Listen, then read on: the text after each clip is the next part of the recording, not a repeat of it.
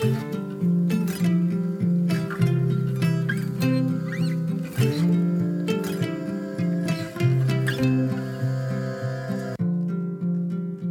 och välkommen till For Health med Anna Sparre. Idag har vi en riktigt modig och ärlig gäst i podden. Ingen mindre än docent Ralf Sundberg. Ralf arbetar som läkare och är en flitig debattör i hälsofrågor. Och i den här intervjun så får vi sanningen om allt från kolesterol till blodtryck, forskning och kostråd. Ett riktigt viktigt avsnitt och ett sånt som ni måste dela med alla bekanta. De som äter kolesterolsänkande, de som har högt blodtryck, diabetes och så vidare. Om du gillar den här intervjun så blir jag så glad om du vill dela med dig av den på Facebook, Instagram eller till en vän. Och så kan du hjälpa podden att överleva genom att lämna ett betyg eller en recension i iTunes. Anomis1 skriver som recension i iTunes. Bästa podden! Tack så mycket för en väldigt lärorik podcast. Jag lär mig supermycket varje gång och blir inspirerad till att hålla min hälsosamma livsstil. Tack vare dig så har jag börjat blötlägga mina nötter och känner mig numera helt lugn i magen när jag äter dem. Hade varit intressant med ett avsnitt om vitaminer och mineraler. Vad är deras funktion i kroppen? Och när och hur tar man dem för bästa upptag? I samband med särskild mat? Vilket magnesium är bäst och vilka märken? Är det nödvändigt att äta omega-3 även på paleo och LCHF-kost? Keep up the good work! Hälsningar Simona. Stort tack Simona! Och en del av dina funderingar tar vi upp i ett av de kommande avsnitten, som är en intervju med hälsopionjären Peter Wilhelmsson. Han är en riktig mästare på allt det här som har med de små mikronäringsämnena att göra. Så håll utkik! Ju mer du lyssnar, delar och recenserar, desto bättre går det att hålla podden levande med gratis information och intressanta intervjupersoner. Stort tack på förhand! Glöm inte heller att boka mig som föreläsare till ditt event eller företag. Och är du nyfiken efter det här avsnittet så hittar du mer information på forhealth.se. Och for health skriver man med siffran 4. Ett stort tack till vår sponsor Cocosa som gör den här podcasten möjlig. Cocosa är ekologiska kokosprodukter av högsta kvalitet och finns bland annat som extra virgin kokosolja och MCT-olja. För dig som föredrar kokosolja utan kokossmak så finns populära Cocosa Pure. Du hittar Cocosa i de flesta hälsokostbutiker, både på stan och på nätet. Dagens intervju blir alltså med Ralf Sundberg.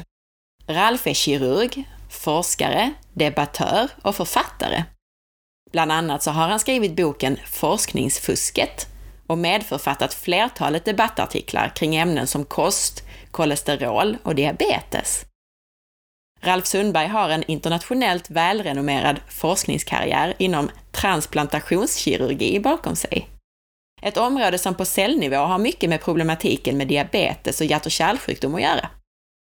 Under de senaste åren så har han trängt in på djupet och tvären i forskningen kring typ 2-diabetes och särskilt kostråden. Dessutom så har han kartlagt hur livsmedelsindustrin genom sin lobbyism påverkar makthavare och har tagit fram de expertgrupper som beslutsfattarna förlitar sig på. Och han har spårat upp rent forskningsfusk i spåren av industrin. Han har dessutom personlig erfarenhet av att bota ett högt blodtryck med rätt kost. Det här är en sån intervju som ni ska dela med alla som bör påverkas av sanningen om kost, hälsa och sjukvård. Avsnitt 54 med läkaren Cecilia Fürst blev en sån intervju och avsnitt 74 med Ann Fernholm en annan. Och här kommer en fantastisk Ralf Sundberg som inte räds orden om kolesterol och andra viktiga frågor. Ett viktigt avsnitt.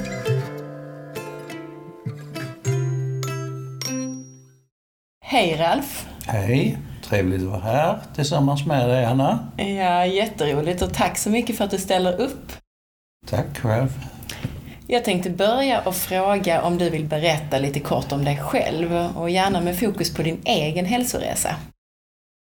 Man kan väl säga så här att när man är eh, eh, går en läkarutbildning så på något vis så eh, blir man sitt eget facit, kan man säga.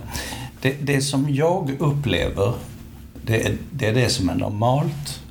Om en patient upplever något som är radikalt annorlunda än så som jag upplever eh, ja, eh, min hjärtverksamhet, min, min, eh, hur det känns i lederna, hur det känns i ryggen och mitt eget sätt att röra på mig och så vidare.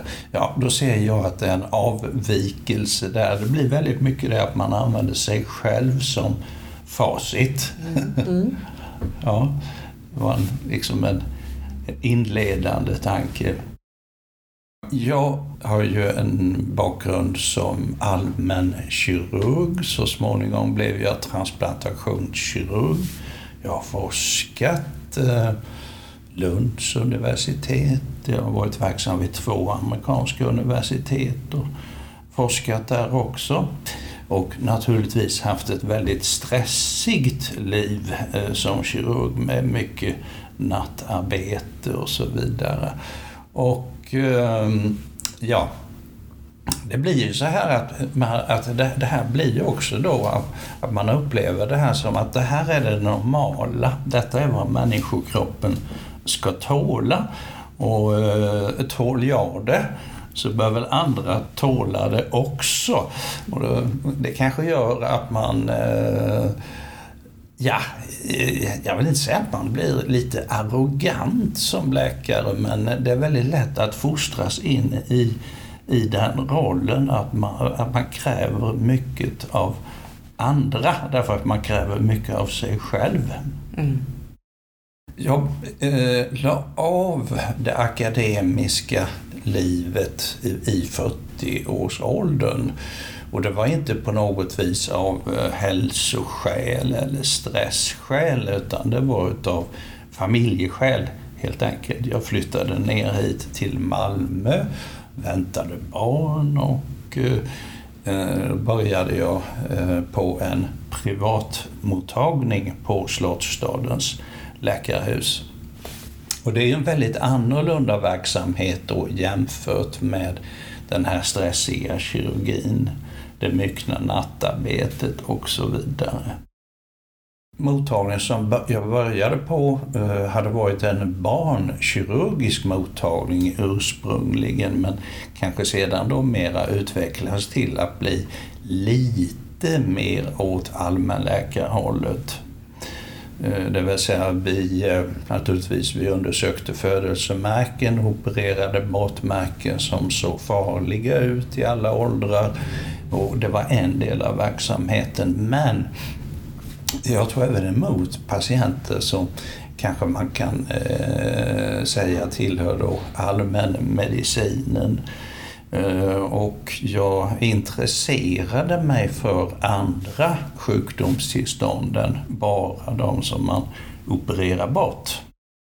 Det här är ett väldigt trevligt läkarhus. Vi har en väldigt god gemenskap. Eh, bland annat var det som så att vi hade en liten frukost tillsammans varje morgon. Eh, jag hade ju ätit frukost hemma, men det var en social grej. Att eh, ja, man går in och äter en fralla och, och, och eh, med lite marmelad och sånt där. Och, och dricker en kopp kaffe med kollegorna varje, varje dag. Då. Och under... Ehm, när det, ja, när det gått ett år eller två så upptäckte jag att eh, jag började gå upp i vikt. Och det här, det här var någonting som jag liksom inte eh, hade någon större erfarenhet av tidigare. Eh, visserligen var det så att min mamma var överviktig, min pappa var snarast väldigt mager och jag hade funderat väldigt mycket på eh, hur kroppar utvecklas när man tittar på vad folk äter. Eh, men nu började jag fundera över vad är det som händer med min egen kropp i det här läget? Och eh, ja, jag gjorde det som eh, var mainstream då, nämligen jag plockade bort Bregottet på frallan. Och så la jag på kanske en aning mer ost och så mera marmelad. Eh, men hur, och likadant där hemma så började jag då använda mindre fett vid stekning och så vidare och försökte då dra ner i första hand på fettet i kosten. Men jag märkte det att eh, det här tycktes inte hjälpa. Jag fortsatte att gå upp i vikt. Eh, ett annat fenomen jag noterade var att eh, en halvtimme och ibland redan en, ja, en timme före lunch så märkte jag att det var precis som att blodsockret gick ner på mig. Jag började bli irriterad. Jag, jag tålde ingen stress längre. Var det, var det liksom någon, någonting som strulade med någon patient så blev jag på väldigt dåligt humör. Och eh, det här tillståndet varade ju ända tills jag kastade i mig lunchen. Och då kände jag att ja, ja, nu var det där stressfenomenet borta igen. Det tog ändå lite tid innan jag började förstå hur det här hängde ihop. Och egentligen var det väl slumpen då jag fick besök av eh, en person ifrån USA. Eh, eh, gammal bekant. Eh, hon kikade på mig lite grann och så sa hon det. Hör du har nog gått upp lite i vikt sen vi såg sist. ja. Eh, och eh, det var jag tvungen att erkänna. Eh, då, var det så, då sa hon det att hennes man hade också gått upp i vikt efter att de hade gift sig.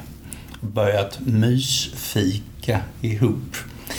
Och eh, men han hade hört talas om någonting som kallades för Atkins-dieten.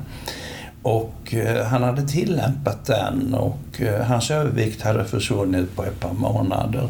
Och, och han, tyck, han hade inte tyckt att det där var särskilt svårt. Ja, sa jag, men vad gör han om han blir hungrig då? Eh, ja, han, han, han går till kylskåpet och tar en bit ost. Eh, hon förklarar vad det här Atkins-dieten var för någonting. Jag hade visserligen läst om det i Sydsvenskan då. De hade haft någon bantningstävling. Några journalister där lite halvt på skoj. Och jag, jag trodde liksom att det här med alla sådana här dieter, det var mer eller mindre bluff. Eh, jag trodde som Stefan Rössner att det handlar om att ha karaktär, det handlar om att äta mindre och röra på sig mer. Det var bara det att det funkade inte för mig. Alltså, alltså var jag en sån där person med allt för dålig karaktär.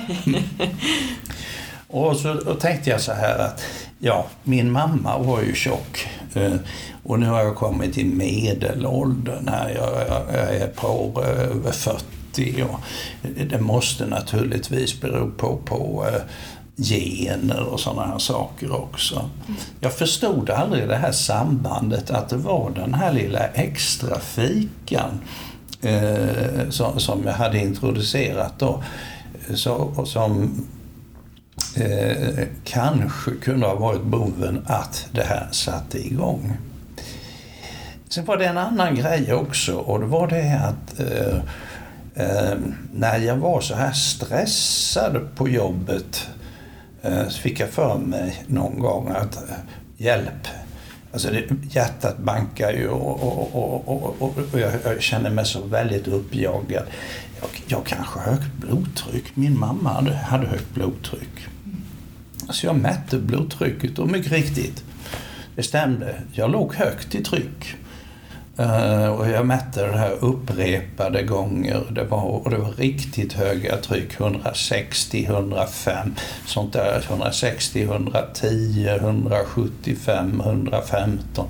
Sånt där tryck som man normalt sett sätter in blodtrycksmedicin för. Så att jag, eh, jag började ta en blodtrycksmedicin. Trycket gick ner lite grann men eh, ungefär ett halvt år senare så, så var det uppe på samma nivåer som tidigare. Jag sökte hjärtläkare.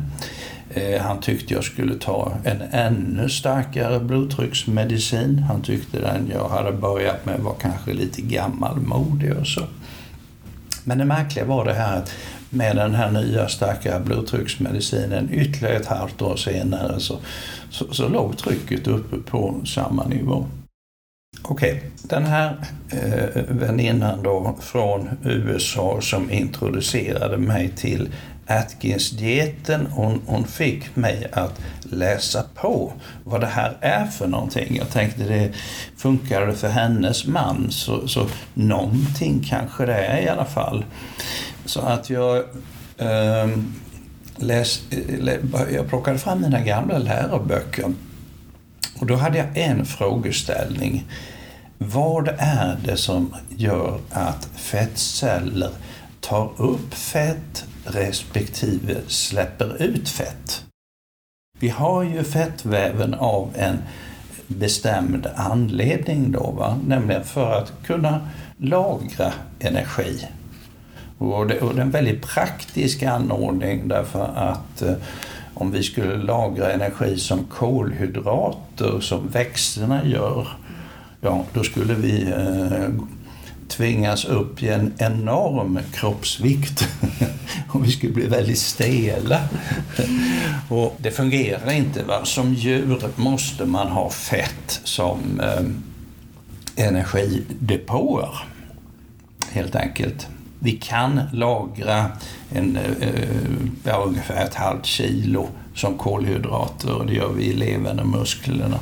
Men, men eh, när det är slut så är det slut. Mm. Eh, så, så därför behöver vi fettet också.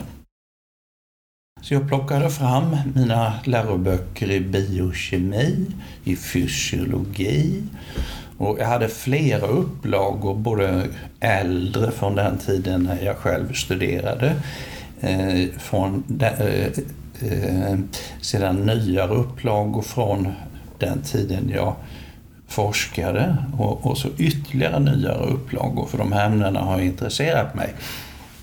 Och jag såg ju det här då att det, det är en fullständig samstämmighet i hur vi reglerar Eh, Eh, storleken utav våra fettdepåer. Och, och den gemensamma nämnaren där är ett väldigt viktigt hormon som heter insulin.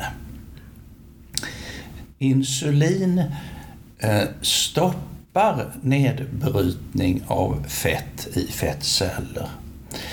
Sen gör det också det här att det blir lättare att lagra fett i fettceller av insulin.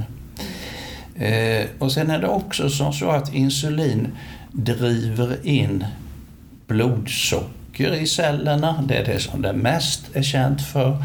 Men det driver in, om det är ett överskott på blodsocker eh, så driver det här fram en ökad bildning utav fett från kolhydrater. Så insulin gör många sådana här grejer. När jag läste om det här, eh, eh och jag läste väldigt intensivt under en 14 dagars period, eh, så upptäckte jag också det att det finns ett samband mellan blodets insulinnivåer och högt blodtryck. Eh, det hela hänger ihop med andra ord.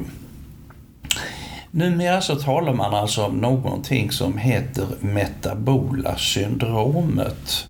Och det är alltså då ett, eh, man kan säga ett förstadium till diverse sjukdomar. Och metabola syndromet hänger ihop med höga insulinnivåer.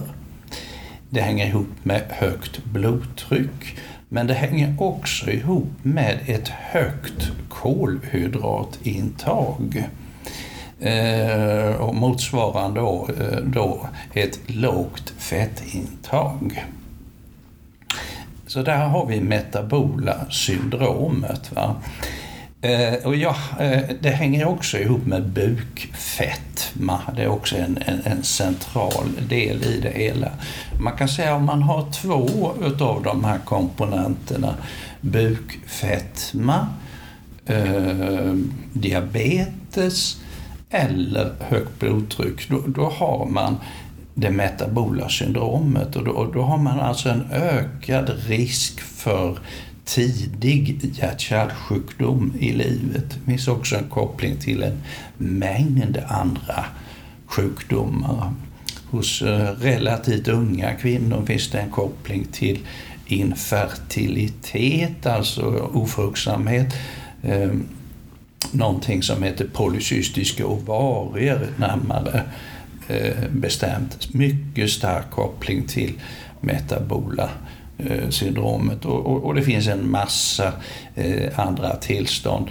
Eh, prostataförstoring, prostatacancer, eh, ökad risk för cancer i tjocktarmen. Allt det här är kopplat till metabola syndromet.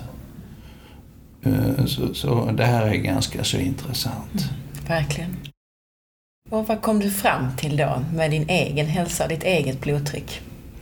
Ja, Eh, Eh, jag, eh, jag hade läst på om det här och så tänkte jag det att okej, okay, jag får ge det här en chans.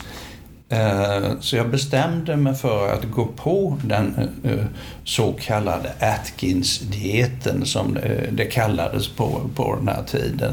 Jag gick in på Atkins hemsida. Det visade sig att den här då Dr. Atkins var en, en läkare i New York som eh, hade kommit underfund med de här principerna och skrivit en bok om det eh, som hade blivit hånad utav sina kollegor. Men när jag läste på hemsidan så tyckte jag att allting verkade logiskt och det verkade stämma med vad som stod i eh, mina biokemi och fysiologiböcker.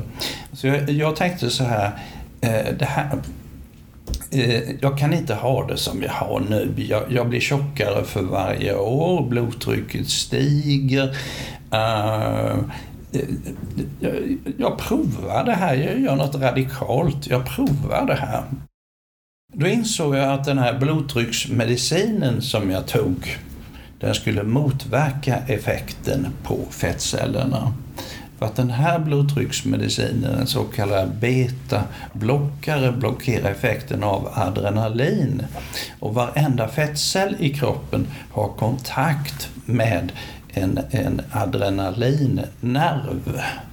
Så blockerar man adrenalin så, så, så blir det svårt att gå ner i vikt. Även om man skulle dra ner på kolhydraterna, vilket är, är då grunden för eh, äh, Atkins terapi. Så jag bestämde mig för något så drastiskt som att jag slutar ta medicinen. Och så bestämde jag mig för att jag ska inte äh, mäta mitt blodtryck på 14 dagar för att jag inte ska jaga upp mig äh, och bli nervös utav det här.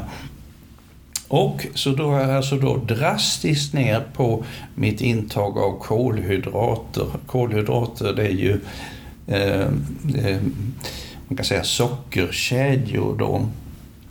Eh, stärkelse och vanligt socker. Och det finns ju mest utav det i pasta, potatis, eh, ris, eh, bröd eh, eh och till viss del i frukt också. Så jag bestämde mig för att jag plockar bort de här bitarna i maten. Eh, jag äter eh, kött, fisk, ägg eh, och grönsaker istället. Grönsaker som växer ovan jord då i, i första hand. Och så bestämde jag mig för att jag, jag lägger en liten extra klick smör på grönsakerna så smakar det bättre också. På den här tiden så hade jag inte riktigt riktigt eh, kommer kommit till insikt om vilka fetter eh, som är nyttiga och onyttiga. Så lite nervös var jag för det där smöret fortfarande. Det gick 14 dagar på den här dieten. Jag kände mig fruktansvärt trött. Trött i kroppen. Ehm, eh, men sen plötsligt en dag då, dag 14 eller 15, så kände jag en enorm energi. Jag, hade, då, jag vägde mig, jag hade inte gått ner. Men eh, jag bestämde mig för att nu är det dags att mäta blodtrycket. Och då hade alltså mitt blodtryck gått ner till ett helt normalt värde. Faktiskt ett lägre värde som, äh, än jag hade när jag började som AT-läkare i Kalmar för jättemånga år sedan. Mm. Och då tänkte jag, okej, okay, med andra ord, jag har dragit ner på kolhydraterna. Kolhydraterna är det som skjutsar upp insulinet. Med andra ord, en sak kan jag vara säker på. Eftersom blodtrycket har gått ner så har mina insulinnivåer gått ner. Eh, då är jag alltså inte på fel väg. Sen kunde jag vecka efter vecka konstatera att jag gick ner ett halvt kilo ena veckan, ett kilo nästa vecka, tills jag kom ner till min normalvikt.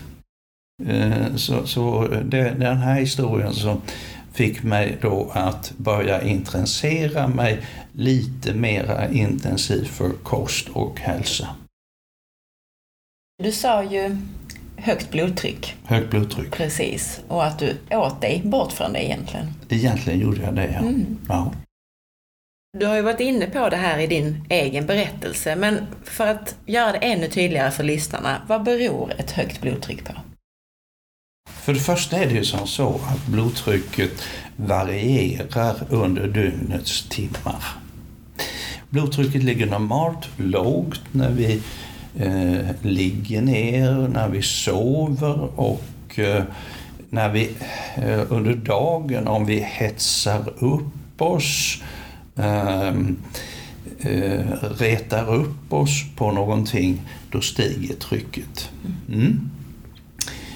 Det är ju som så att regleringen utav blodtrycket eh, eh, den är ju till för att skydda i första hand hjärnans behov av ett blodflöde hela tiden. Eh, och det här innebär att, att blodtrycket stiger när vi utsätts för någonting som vi uppfattar för fara. Det här är ju någonting som, som, som finns eh, eh, evolutionärt då i djurvärlden eh, naturligtvis. Eh, ett eh, bytesdjur som eh, får syn på en predator då, alltså om en mus får syn på en katt så stiger blodtrycket momentant. Varför? Jo, dels är det för, för att uh, musen ska kunna mobilisera så mycket energi för att springa som möjligt för att kunna öka blodflödet genom muskulaturen och, och, och, och, och, eh, och därmed har en större chans att hinna undan. Om blodtrycket låg kvar på samma låga nivå eh, då kan alltså inte blodflödet genom muskulaturen öka tillräckligt. Det andra är ju då risken för att bli utsatt för skada, blödning och så vidare. Eh, att kroppen då redan är förberedd Eh, för eh, liksom att en, skada kan inträffa och, och därmed då att eh, upp, man upprätthåller då en blodtrycksnivå så att eh, hjärnan har skydd i första hand. Så det är därför vi har en sån här reglering av blodtrycket från upp och ned, så att säga. I själva verket är det som så att om man gör mätningar på människor Eh, Eh, som eh, i lite äldre åldrar som har ett väldigt stabilt blodtryck som gärna ligger lite åt det lägre hållet så har de faktiskt en ökad risk att dö inom de närmsta åren. Ett variabelt blodtryck det visar att de här regleringsmekanismerna Eh, då fungerar. Många tror att högt blodtryck är en sjukdom. Det kan vara uttryck för eh, en del allvarliga sjukdomar. Eh, till exempel att man har att ena njurartären är förträngd till exempel. Va? Och då får man en, en felreglering av blodtrycket och blodtrycket kan alltså då nå mycket höga nivåer så, där, så, så att man får en ökad risk för att få en eh, hjärnblödning. Det är ju det, det, är det som man hela tiden är rädd för när det gäller högt blodtryck, det är hjärnblödning. Men jag tror att det är som så att man har satt anledningen till att det som anses vara normalvärde för vad som är högt blodtryck idag ehm, det har snarare då satts utav läkemedelsindustrin därför att man vill sälja så mycket eh, blodtryckssänkande mediciner som möjligt det här är väldigt väl dokumenterat hur, hur, hur eh, lobbyister eh, i USA, och jag har skrivit om det här i min bok då, Forskningsfusket så blir du lurad av kost och läkemedelsindustrin. Där har jag beskrivit om hur lobbygrupper jobbade stenhårt för att alla läkare ska mäta blodtryck på alla patienter och att man ska medicinera en större andel utav patienterna. Men jag är inte säker på att det här är till någon nytta. Jag tror att i många fall kan det vara till skada. Särskilt om man använder sig av många olika blodtrycksmediciner som verkar på många utav de här mekanismerna då som vi har för att höja blodtrycket i farosituationer. Det allra farligaste är att ha blodtryck noll. Mm. Då upphör ju cirkulationen i hjärnan och då dör vi. Mm. Ja. Men det kan väl inte ha varit ett gott tecken ändå att du hade så högt blodtryck när du åt dina frallor? nej, nej, nej, nej. Nej, alltså det är, det är ett tecken på att man eh, lider av det metabola syndromet. Va? Mm. Eh, det är den vanligaste orsaken till, till, till eh, högt blodtryck. Men däremot så tror jag inte att att, att vägen till en bättre hälsa oftast går genom att ta fler, fler och fler mediciner. Va? Mm. Det är det som är min ståndpunkt. Mm. Mm. Men hur är det med salt? Får man högt blodtryck av salt? Eh, man, kan få väl, man kan få lägre blodtryck om man äter för lite salt om man tillhörde den äldre delen utav befolkningen och särskilt på sommaren. Och det, det, det är faktiskt farligt att ha för låg salthalt i blodet. Det som reglerar eh, det som vi använder oss av för att sätta igång en muskel med hjälp av en nerv, det som vi använder oss av för att med eh, eh, hjärnan tänka en tanke, Eh, det sätts igång utav eh, en, en, eh, ett omflöde utav två olika salter. Natrium som vi har i blodbanan, i vävnadsvätskan. Medan vi däremot inne i cellerna så har vi kalium. Och de här byter plats tillfälligt och då får vi elektriska impulser som, som gör att det sätter igång rörelse, sätter igång tankar. Om vi får för låga nivåer utav det som vi i vanliga fall kallar för salt, alltså natrium, natriumklorid, har vi för låga nivåer utav det här i blodet så, så fungerar de här mekanismerna inte, inte, inte normalt. Och det är därför vi får sådana här fenomen på somrarna som att gamla människor dör av värmeslag. Eh, de har druckit vatten men de har fått för lite salt i maten. Då kan vi ju konstatera att det är inte saltets fel. Det är inte, det är inte saltets fel. Det är inte saltets fel.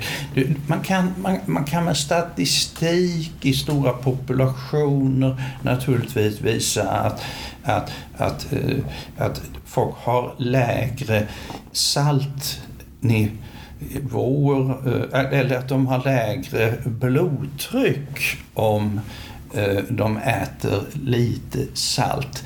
Men däremot är det ju tyvärr som så att de har en högre dödlighet om de äter för, för lite salt. Ja. Så det, glömde, då har, det glömde de skriva om.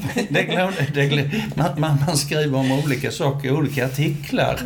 Ja, men man, man lägger inte ihop eh, ett och ett och två och två. Nej, precis. Men om man nu som lyssnare här lider av högt blodtryck. Man kommer till sin läkare och läkaren säger du måste äta blodtrycksmedicin och du måste dra ner på saltet. Vad ska man göra då? Ja, det hade inte lätt. Eh, eh, för, för det första, då, lä, läkaren eh, som tror att man ska minska på saltet har inte läst sin fysiologi, sin njurfysiologi ordentligt. Det är, det är större risk att du får högt blodtryck om du äter för lite salt. I själva verket, men vi kan inte gå in på alla detaljerna här. Va? Men, men så, så ligger det till. Sen är det det där då med eh, ett blodtrycksvärde uppmätt vid ett tillfälle eh, behöver ju inte vara representativt. Nej. Eh, man kan göra en 24 timmars blodtrycksmätning. Det är inte säkert att den är representativ ändå för varje gång som den här ehm, kuffen som du har om överarmen börjar klämma åt så noterar kroppen det här och, och det här kan fungera som en signal för rädsla och så stiger trycket varje gång. Så det är inte säkert att det är representativt heller. Men grejen är det, jag, jag, jag tror att man, man ska tillåta lite högre blodtrycksnivåer än det som rekommenderas idag. Som vi gjorde tidigare var ju ofta det vi mätte ett högt blodtryck hos doktorn. Sen skickade vi patienten till distriktssköterskan för att göra mätningar en gång i veckan. Och då var blodtrycket oftast alldeles normalt. Det beror på vem som mäter det, det beror på i vilken situation. Det hänger på sådana här saker som att om, vid en blodtrycksmätning om patienten spänner sig, håller andan, vilket är väldigt vanligt. Då får man ett högt värde. Jag, jag har gjort det här experimentet massor av gånger. När sköterskan mätte trycket och det var ett högt värde så går jag in till patienten och sen säger det Ja, nu, nu ska du tänka på andningen här. Andas regelbundet, andas lugnt. Och så upptäcker jag det att nej, det var inget högt blodtryck. Men en del måste väl ändå ha det för att de äter fel, eller? Med ett högt blodtryck. Jo, jo, absolut. Mm. Absolut. Alltså, jag menar, det, man ligger en, en 10 till 20 millimeter kvicksilver högre, högre eh, så som i mitt fall. Ja. Eh, om, om, du, eh, om du äter fel. Mm. Mm. Och då är det kolhydraterna det handlar om, det handlar inte om saltet. Nej. Nej. Utan det är, det är mekanismer som medieras via insulin och eh, också medieras via urinsyra eh, som påverkar eh, hur spända kärlen är i hög utsträckning. Så personen som, som går till sin läkare bör egentligen dels inte vara så orolig för sina, sitt höga blodtryck och dels ändra sin kost till en lite mer kolhydratfattig kost. Är Exakt. det slutsatsen? Av Ja, det är väl slutsatsen Ja. vi kan dra. Framförallt den, att, att den är sockerfri. Eftersom vanligt socker har en väldig tendens att driva upp eh, urinsyra eh, i blodet och eh, som då via vissa mekanismer då är särskilt blodtryckshöjande. Vad äter du själv för sorts mat? Eh, man kan säga, jag äter väl då eh, för sommaren Atkins. Nu säger jag att jag äter en eh, eh, måttlig lågkolhydratkost. Jag tycker inte jag behöver äta extremt lite kolhydrater. Jag, jag har kontroll på eh, kroppsviktet och, kroppsvikten och, och, och, och på midjemåttet. Har jag det under kontroll så, så eh, är jag inte för nervös för att äta en halv potatis eller en morot Nej, just någon gång då och då. men, men idag, vad har du ätit idag? Idag har jag ätit en eh, brunch eller lunchfrukost som jag lagat själv. eh, som bestod av tre ägg som jag vispat upp med lite crème fraîche och stekt eh, till eh, ja, någon slags pannkaka. Mer än omelett kan man säga och till det har jag ätit eh, rökt lax. Druckit te och vatten. Mm.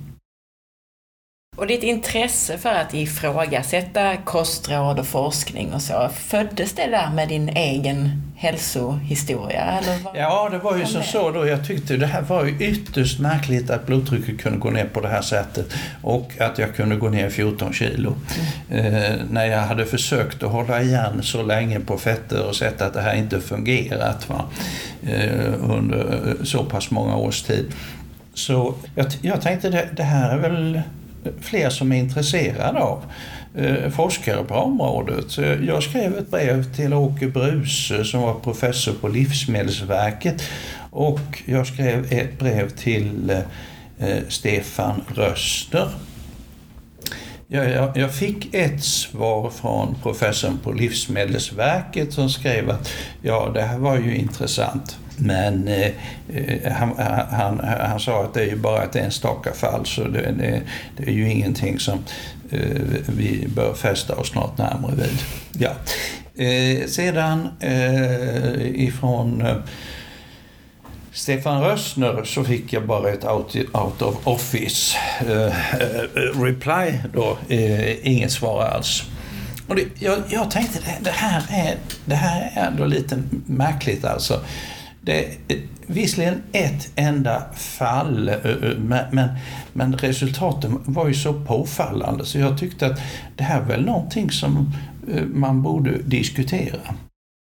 Sen gick det väl ungefär två, tre, mån tre månader gick det, så, så stod det en insändare i Dagens Medicin från en doktor Annika Dahlqvist som eh, tre månader efter mig hade gjort samma och upptäckt. Eh, henne, eh, I hennes fall var det som så att hennes dotter var utsatt för ett experiment, just vad som händer när man äter mindre kolhydrater medan hon studerade medicin uppe i Umeå, tror jag det var. Mm. Och dottern, som väl ingalunda var särskilt överviktig, gick ner i vikt. Och Annika Dahlqvist tyckte att eh, det här var ju mystiskt. Hon har ju försökt banta hela sitt liv och eh, så hon, så hon gjorde det här experimentet själv mm. och upptäckte att ja men herregud, det här fungerar ju. Och vi hade faktiskt med Annika i podcasten, så hon har berättat om sin historia. Ja. Hon också. Mm. Ja, just det. Ja, och, eh, och då, eh, då skrev jag en mail till Annika och eh, så ställde jag frågan där om vi skulle ta och bilda en förening för läkare i Sverige för just lågkolhydratkost och informera om det här. Och Annika tyckte också att det här kunde vara en bra idé. Men då hade det redan gått så långt att det hade kommit igång en debatt där Annika Dahlqvist blev så eh, kraftigt attackerad eh, i, eh, ja, det var väl Dagens Medicin bland annat. Och då, då insåg vi det att det, det, kanske inte var så bra att ha en officiell förening utan istället eh, då bilda ett inofficiellt nätverk och utbyta erfarenheter och information med varandra.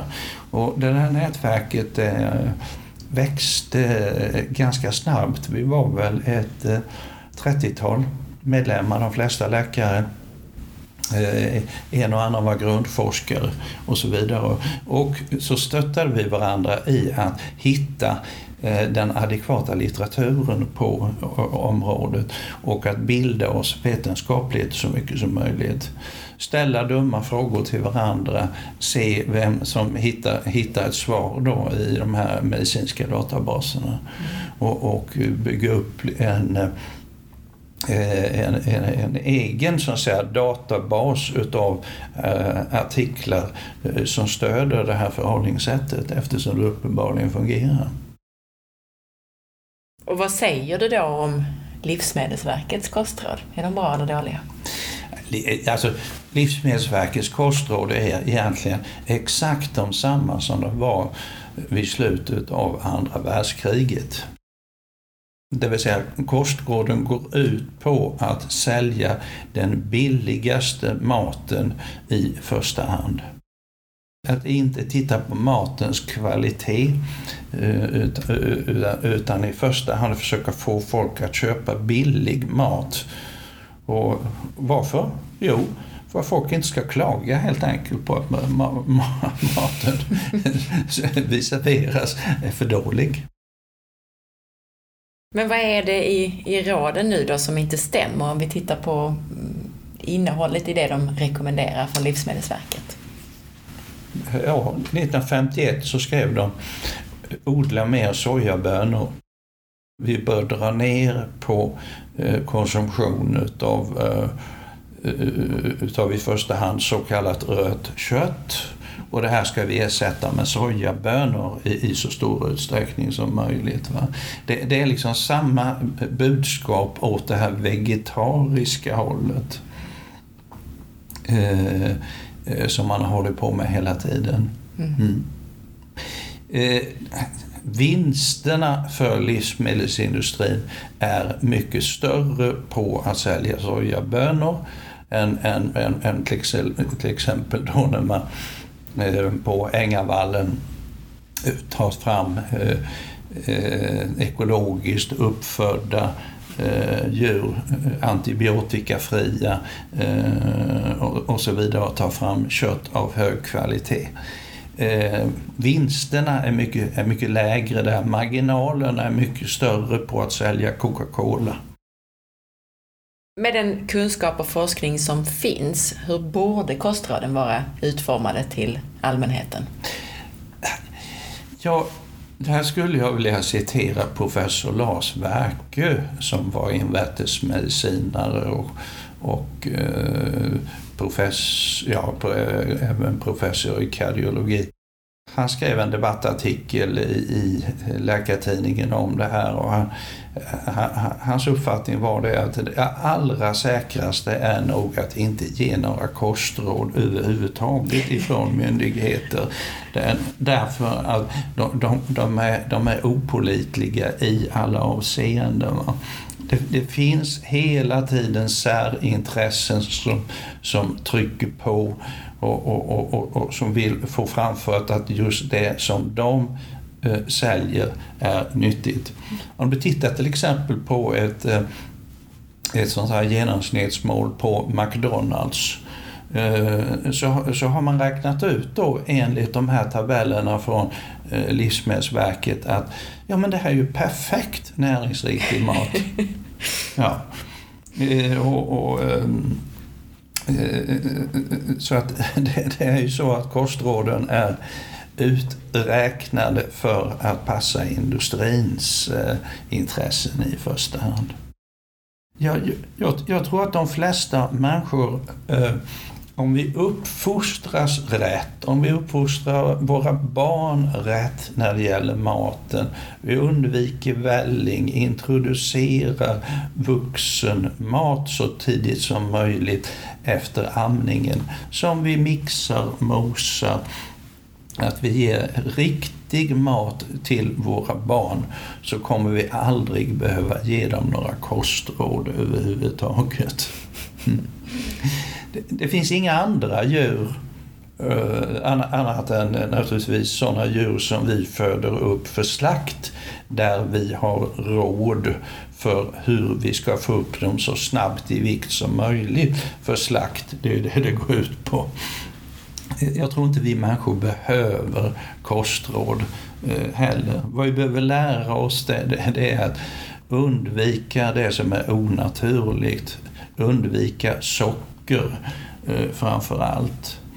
Äta grönsaker, frukter, bär, kött, fisk, ägg och det som är tillverkat på ett naturligt sätt.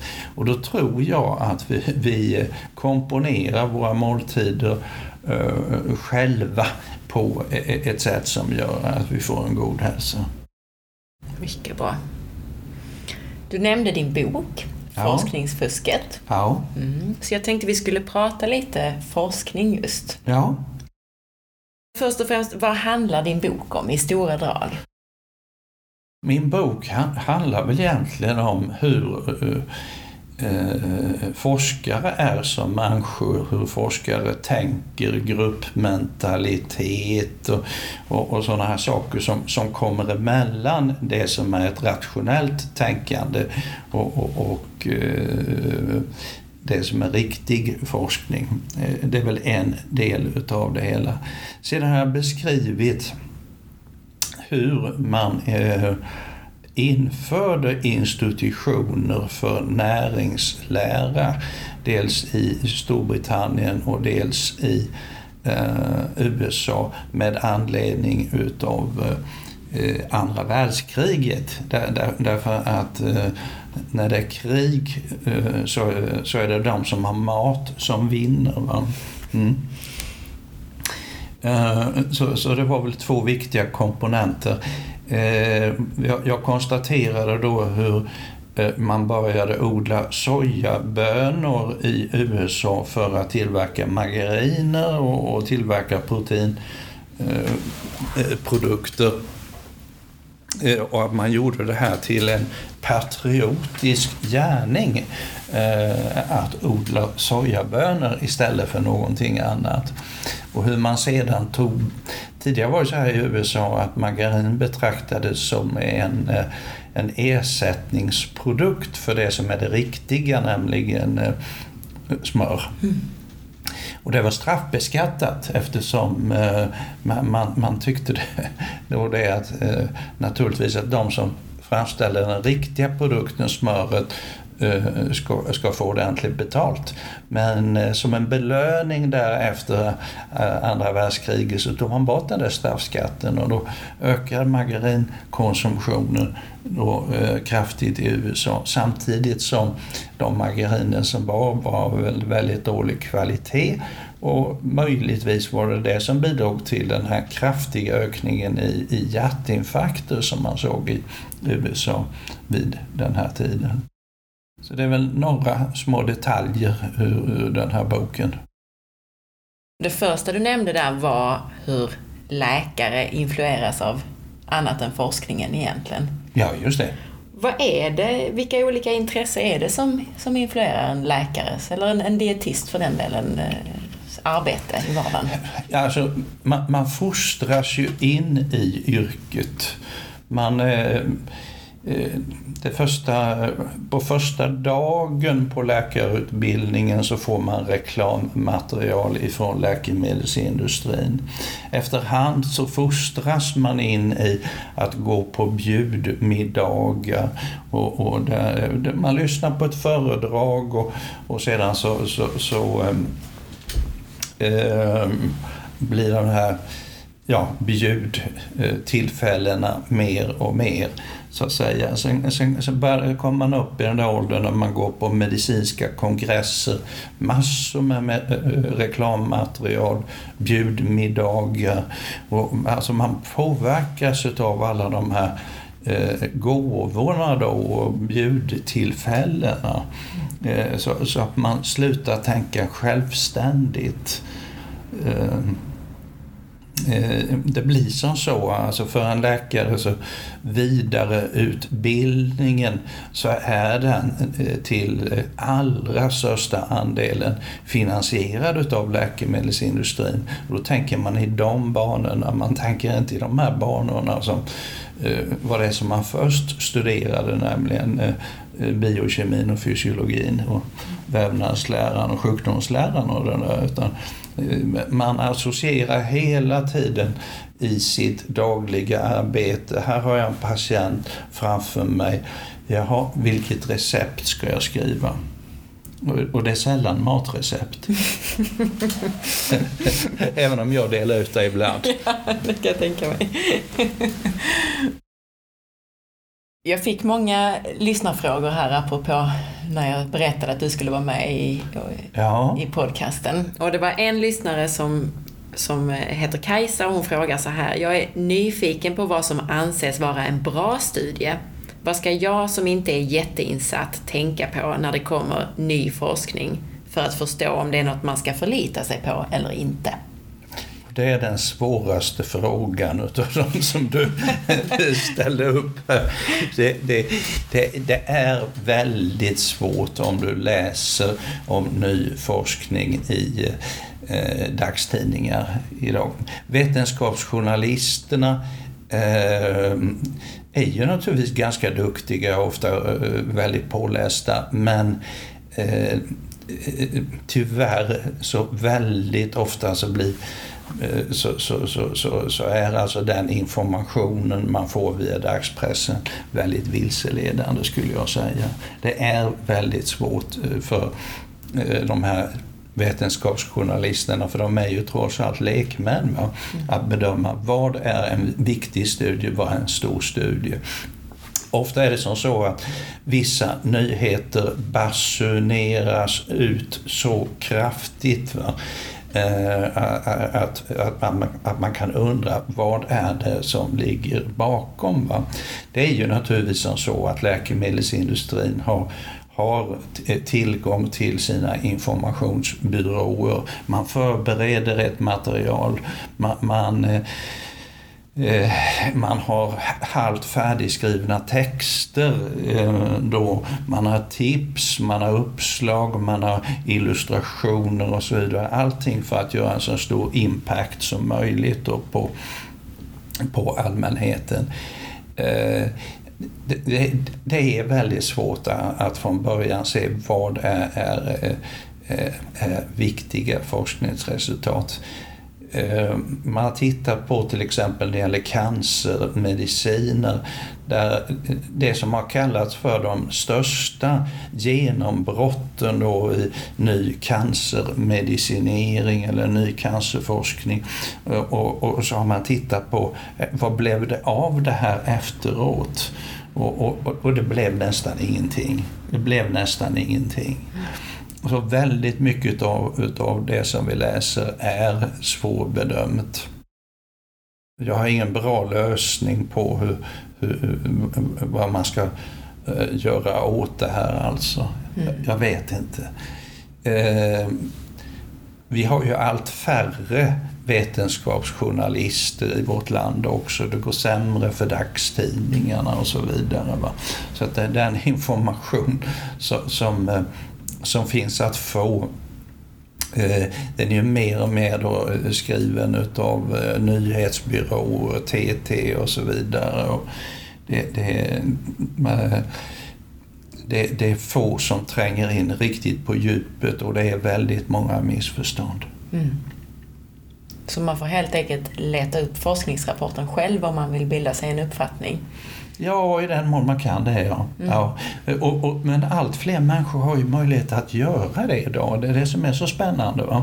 Eh, du, om du läser en, en äh, artikel i i eh, Dagens Nyheter eller Uppsala Nya Tidning om forskningsresultat ifrån ett visst universitet och så hittar du ett namn där så kan man gå in på eh, Eh, den här eh, databasen PubMed och, och, och kolla upp eh, naturligtvis och få en sammanfattning och ibland så kan du läsa hela artikeln där. Men det är ju inte lätt som lekman. Nej. Det är inte lätt.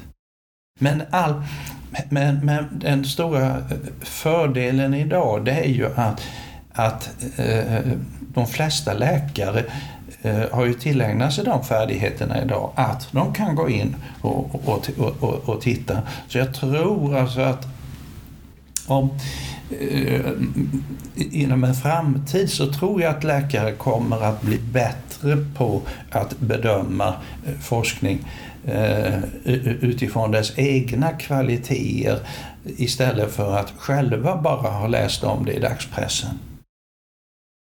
Eftersom tiden går och vi har så mycket frågor om kolesterol så tänker jag att vi rullar vidare in på kolesterol lite ja. grann. Ja.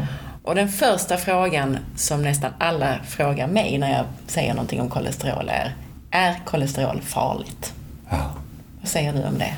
Ja, det, det, det är mycket märkligt liksom om en, en molekyl som uppstod i evolutionen då för, för uh, ungefär en halv miljard år sedan och som möjliggjorde att, att det kunde utvecklas nya organismer som har nervsystem. Att denna molekylen skulle vara farlig. Mm. Det är det första jag vill svara på detta. Det fanns föregångare till kolesterol, men de möjliggjorde aldrig utvecklandet av ett nervsystem. Eh, det är bland det viktigaste. Sen kom det, sen utvecklades vissa ehm, djur, utvecklades djur med kolesterol. Andra djur började parasitera på dessa. Uppenbarligen därför att det fanns fördelar med den här molekylen. Kolesterol är en förutsättning, finns i alla våra celler, finns i cellernas membraner. Kolesterol är en förutsättning för att cellernas membraner ska kunna röra på sig. Eh, så, att våra muskler ska kunna dra ihop sig. Eh, eh, så, så, så eh, så att de vita blodkropparna kan rulla runt och, och, och kan fästa vid, vid, vid främmande organismer som har kommit in. Eh, så, så, att kolesterol är en, en helt livsnödvändig molekyl. Men i slutet på 1800-talet så, så var det en, en, en, en forskare eh, som hette Anichkov som Eh, började fundera på om kolesterol möjligtvis skulle kunna vara någonting som är farligt. Man visste redan att det finns kolesterol i gallstenar. Eh, och, och, gallstenar är ganska hårda. Och, och eh, eh, den här Aniskov, han började mata kaniner, som är vegetarianer för övrigt, med kolesterol i stora mängder. Och han fann då att det bildades eh, eh, vad man kallar för fatty streaks i stora kroppspulsådern. Eh, och de här fatty streaks de påminner lite grann om det som är åderförkalkning. Och då uppstod en teori här då om att kanske det kunde vara så att kolesterol, det här ämnet som finns i gallan, Eh, att, att, att, det kanske kunde ha med åderförkalkning att göra. Men på den här tiden så visste man ingenting om cellmembraner. Man visste inte att kolesterolet har den här just sammanhållande eh, betydelsen i cellmembranerna och, och att ha betydelse för cellers rörlighet. Det hade man ingen aning om. Eh, sedan var det på 50-talet, då, 19 Eh, ja, 53-54 eh, så dök det upp eh, då en, en teori utav en forskare som heter Ansel Keys om att kolesterol skulle vara den viktigaste orsaken till åderförkalkning och hjärtinfarkter. Då visste man fortfarande ingenting om vad som är kolesterolets roll i biologin i själva verket. Men man, det påbörjades en intensiv forskning kring det här. Man, man, eh, man fraktionerade upp eh, eh, blodets innehåll genom centrifugering i olika fraktioner. Man såg att, då att kolesterol tillsammans med, med fetter i blodet transporterades i olika fraktioner. Och, och så föreföll det då som att en utav de här fraktionerna, LDL, eh, skulle kunna finnas en eh, association då till en ökad risk för, för hjärtinfarkt. Man hittade det här i en studie i Framingham som ligger utanför Boston i USA men, men det, här var, det här var högst preliminära data. Men man gick alltså ut med det här att det kanske fanns ett samband mellan kolesterolvärdet och risken för hjärtinfarkter. Samtidigt så pågick det forskning då. Man, man hade hittat ämnen ehm, um, som, som kunde sänka uh, kolesterol uh, i, i blodet. Det var i själva verket besprutningsmedel eh, som man upptäckte att, att de arbetare som utsattes på de franska sädesfälten för, för stora doser av, av de här besprutningsmedlen. Deras kolesterolvärde gick ner drastiskt. Och då tänkte man från läkemedelsindustrins sida, ja men tänk om den här eh, teorin stämmer. Då, då har vi ett läkemedel här då, om vi ger det här i lite lägre doser. Eh, så det var, det var så det började. Va? Sen började, hittade man en del andra ämnen som också sänkte blodets halt av kolesterol. Man gjorde studier eh, och i samtliga fall så fann man då att, att det inte var någon minskning utav dödligheten. Men forskningen fortsatte. Man hittade ämnen som kallas för statiner de här de förfall har, föreföll då som att de skulle ha betydligt lägre biverkningar än, än, än eh, tidigare medel. Och man körde då några studier där man jämförde statiner med eh, sockerpiller eh, i början. Och i, eh, man fann då det att de som fick statiner föreföll då efter eh, lite längre perioder, när det gått över ett år eller så, att de hade färre hjärtinfarkter. Eh, däremot så var det inte så att dödligheten minskade något påfallande eh, utav de här, utan det verkar som att antalet hjärtinfarkter minskade. Men, men, men eh, dödligheten föreföll i stort sett vara densamma utom i en stor studie som har gjorts här i Skandinavien som heter 4S-studien. Där verkar det som att det fanns en signifikant minskad eh, risk för dödlighet för de som redan hade haft infarkt eller hade kärlkramp. De, de, dödligheten minskade i absoluta tal med ungefär 4 procent eh, i den där studien. Då. 4S-studien innebar ett sånt genombrott då eh, i media och eh, i hur man marknadsförde statiner mot läkare. Eh, så, så, att eh, eh, efter den studien så, så verkar det som de flesta läkare blev övertygade om att, att ja, det här är livräddande. Det är ett livräddande läkemedel. Sen har åren gått. Det har, det har gjorts studier där man jämför den ena statinen mot den andra och så vidare. Och, ja, eh, men det har väl inte egentligen framkommit någonting egentligt nytt. Men, men att antalet eh, studier har ökat och eh, som sagt allt fler hjärtläkare har blivit bjudna Eh, på fina middagar och resor och så vidare av de här tillverkarna av statiner. Och försäljningen har ökat dramatiskt. Alltså, jag tror det ligger över 100 miljarder dollar om året i, eh, eh, i världen. Då. Ja. Intressant är, här kom nu då en, en studie i eh, höstas där man gick tillbaka till de ursprungliga studierna där man jämfört eh, eh, statiner med sockerpiller. Och då ställde man frågan hur mycket längre lever man om man tar statiner jämfört med sockerpiller? Det var ju naturligtvis data som fanns i de ursprungliga studierna. Eh, men så det var ju inget svårt att räkna fram. Eh, man tittar nämligen på alla studier som har så kallade överlevnadskurvor där man jämför eh, då sockerpiller mot verksam substans. De här danska eh, forskarna de var ju något chockerade minst sagt. Det visar sig då att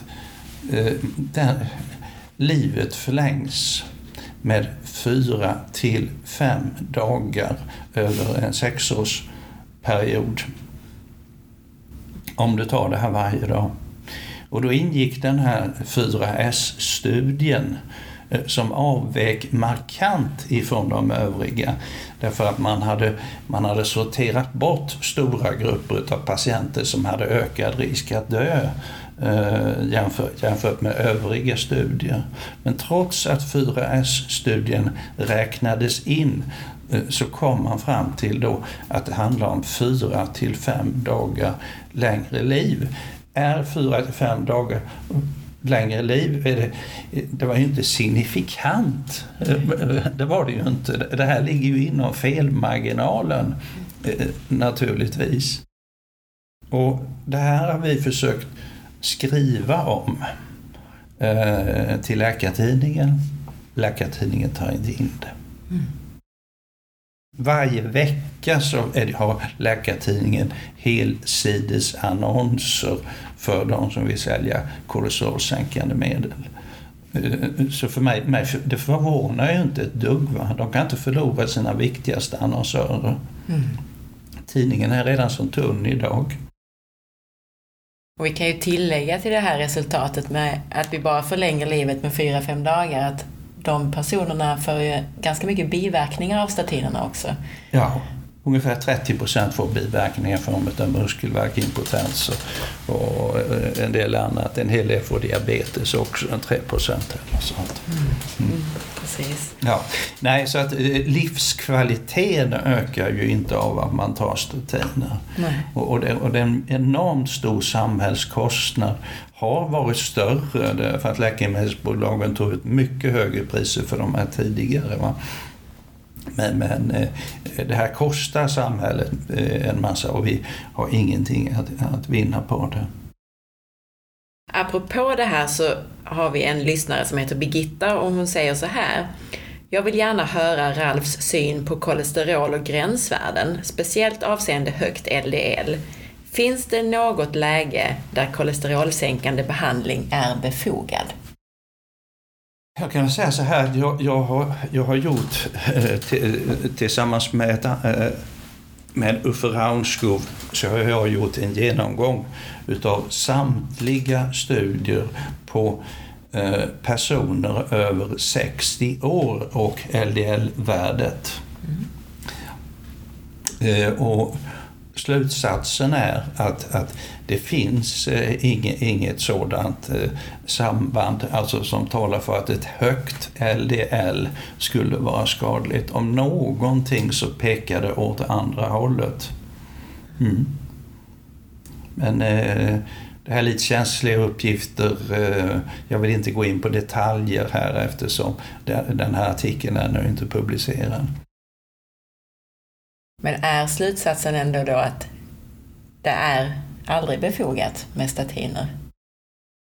Ja, jag, jag, jag, jag, kan inte uttala mig så kategoriskt. Det, det, det, kan, det kan jag inte göra. Det, det kan... Alltså,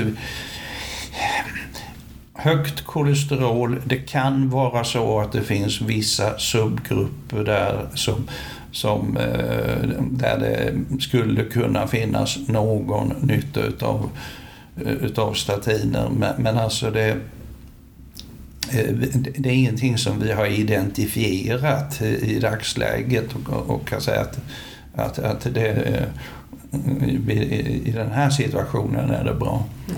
Nej. Möjligen de som var med i den här 4S-studien då, tidigare hjärtinfarktpatienter tänker jag. Till exempel.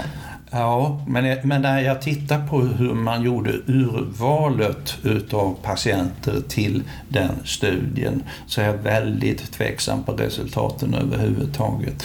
Mm. Jag, jag har haft e-mailkorrespondens också med en utav de som deltog i den här studien eh, som forskare. Så, eh, som tackade mig för min bok och som sa det att jag har aldrig trott på resultaten i 4S-studien trots att jag själv deltog i den. Intressant svar. Får vi högt kolesterol av att äta fet mat? Nej, det får vi inte.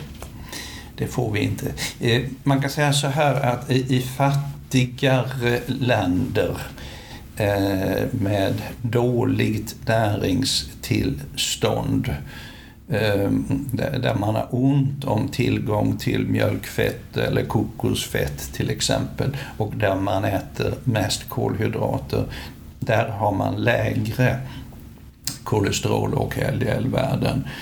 Det är också som så att där har man en högre dödlighet även i hjärt-kärlsjukdom.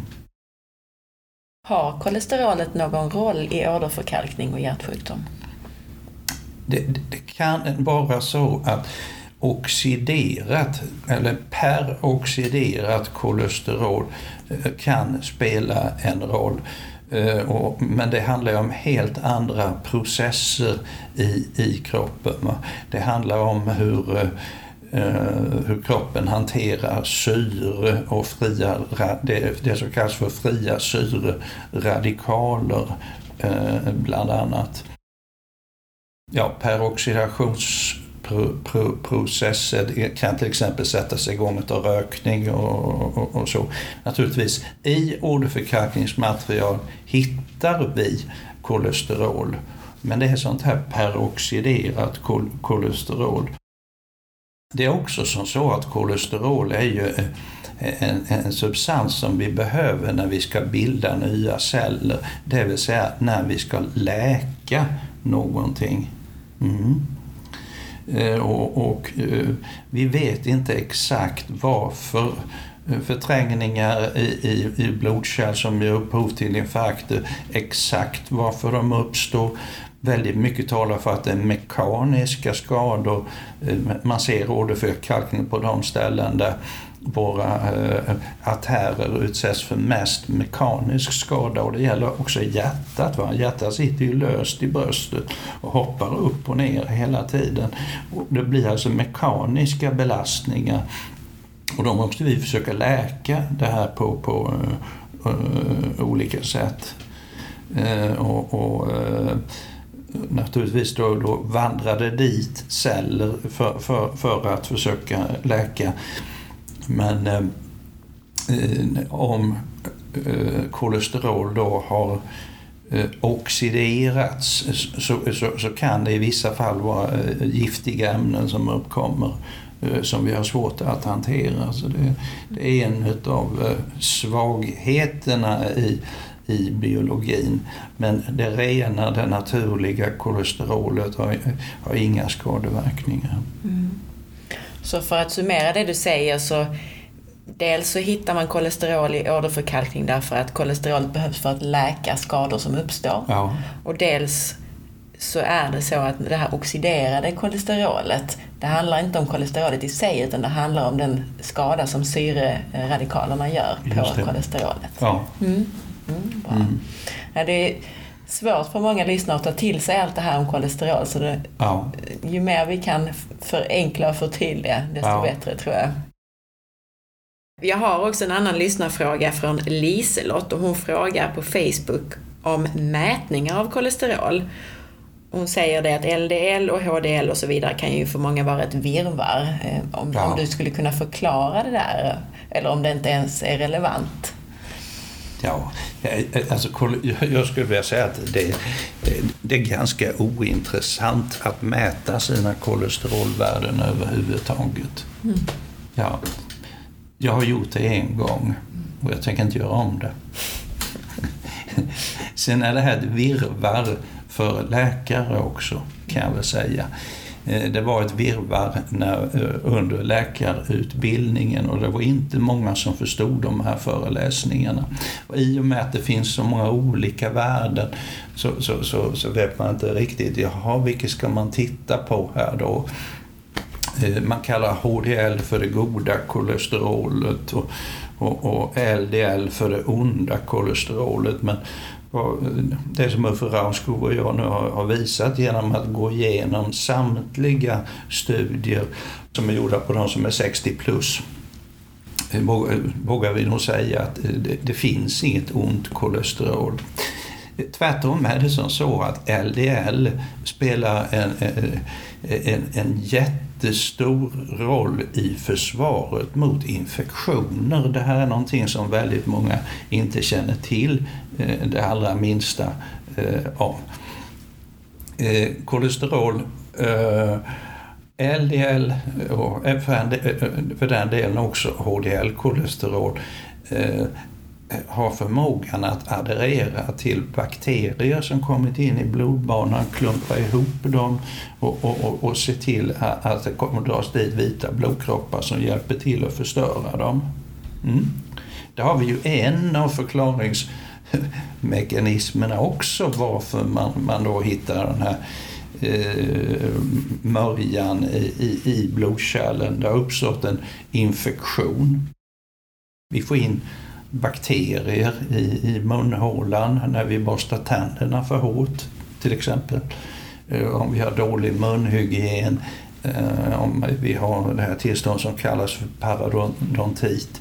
Man vet att, att vid det här parodontit, då, eh, tandköttsinflammation, så har man en kraftigt ökad risk för, för eh, hjärtinfarkter. Och, och det, det, det, det, är ju som så då att LDL bidrar ju då till att, att, att se till att stoppa de här processerna. Eh, men, men, men, men samtidigt så, så, blir en del material kvar. Det kan bidra till förträngningarna. Jag vet att vi måste börja runda av här. Och då tänkte jag ett par lite kortare frågor innan vi avslutar. För du är ju som du sa kirurg. Ja. Men du träffar också ibland patienter som vill få hjälp med andra saker. Ja. Bland annat diabetes. Ja. Berätta lite grann, alltså, kan man få komma till dig om man inte är nöjd med sin egen diabetesläkare eller allmänläkare? Ja, ofta, ofta är det som så att eh, om man har påbörjat lågkolhydratkost och, och ser att ens diabetes förbättras Eh, så uppskattas inte alltid det där i den offentliga vården av mycket märkliga skäl.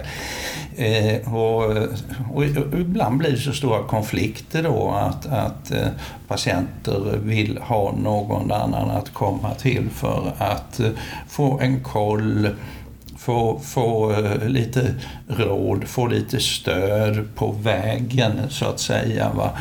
Vi, vi tittar på proverna tillsammans, förklarar vad de betyder och, och att vi ser att saker och ting går åt rätt håll.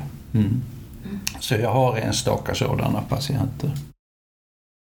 Jag tror det är betryggande för en del att veta att det, det finns alternativ. Hur kan man få veta mer om dig då? Om man nu blir nyfiken efter intervjun. Eh, man kan eh, se några filmer av mig på Youtube, några föreläsningar mm. Eh, till exempel. Eh, jag har en väldigt enkel hemsida också som heter ralfsundberg.se men som jag, där jag ibland skriver något blogginlägg. Eh, inte så ofta nu för tiden har det blivit men det dyker upp något litet då och då. Mm. Mm. Och din bok, var hittar man den? Eh, boken hittar man på, eh, man söker på mitt namn och Adlibris eller på eh, bokus.com. Mm. Eller också går man ner till sin bokhandlare och beställer den. Ja. ja. Föreläser du någon gång? Det gör jag ganska ofta. Ja. ja. Annonserar du ut det på din blogg? Nej, det är jag slarvig med. Det är slarvig med. Men det, det brukar vara fullsatt ändå. så vi får hålla ögonen öppna då helt enkelt. Har ja. du någon, någon ny planerad? Eh, jag ska eh, föreläsa för Senioruniversitetet i eh, Helsingborg i april. Mm. Mm. Är, det, kan, är det öppet så man får komma in? Jag, jag vet inte. Nej? Jag vet inte. Då får vi se. Om jag hittar något om det så lovar jag att skriva om det då. Då ska jag bara säga ett jättestort tack mm. för att du tog dig den här tiden ja, och delade med tack. dig av all din kunskap. Tack. Återigen, tack till vår sponsor Cocosa. Jag är så glad över att Cocosa går in och sponsrar några podcastavsnitt. Det är verkligen bra och naturliga produkter som jag använder själv och rekommenderar varmt. Jag använder personligen både Cocosa MCT-olja, Cocosa Pure som är kokosolja utan smak och deras extra virgin kokosolja. Tack för att du lyssnade! Jag hoppas att du gillade intervjun och det Ralf har att säga lika mycket som jag gör. Stort tack till Ralf för hans fina insats! Visst är det fantastiskt att de här upptagna människorna ger av sin knappa tid för att sprida de här viktiga budskapen. Glöm nu inte att dela med dig av intervjun till alla du tycker borde lyssna. Och glöm inte länka till intervjun på Facebook. Kommentera gärna om vad du tyckte om dagens intervju i kommentarerna på forhealth.se eller på Facebook eller Instagram. Du hittar mig, podden och For Health på facebook.com forhealth.se och på Instagram via signaturen asparre. Och så bloggen såklart på forhealth.se. Ha en hälsosam vecka så hörs vi snart igen.